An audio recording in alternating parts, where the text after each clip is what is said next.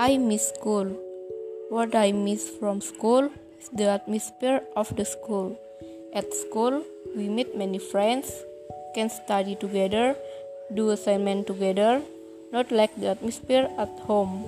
I think it's easier if do work at school than at home because it can help each other and ask if difficulties.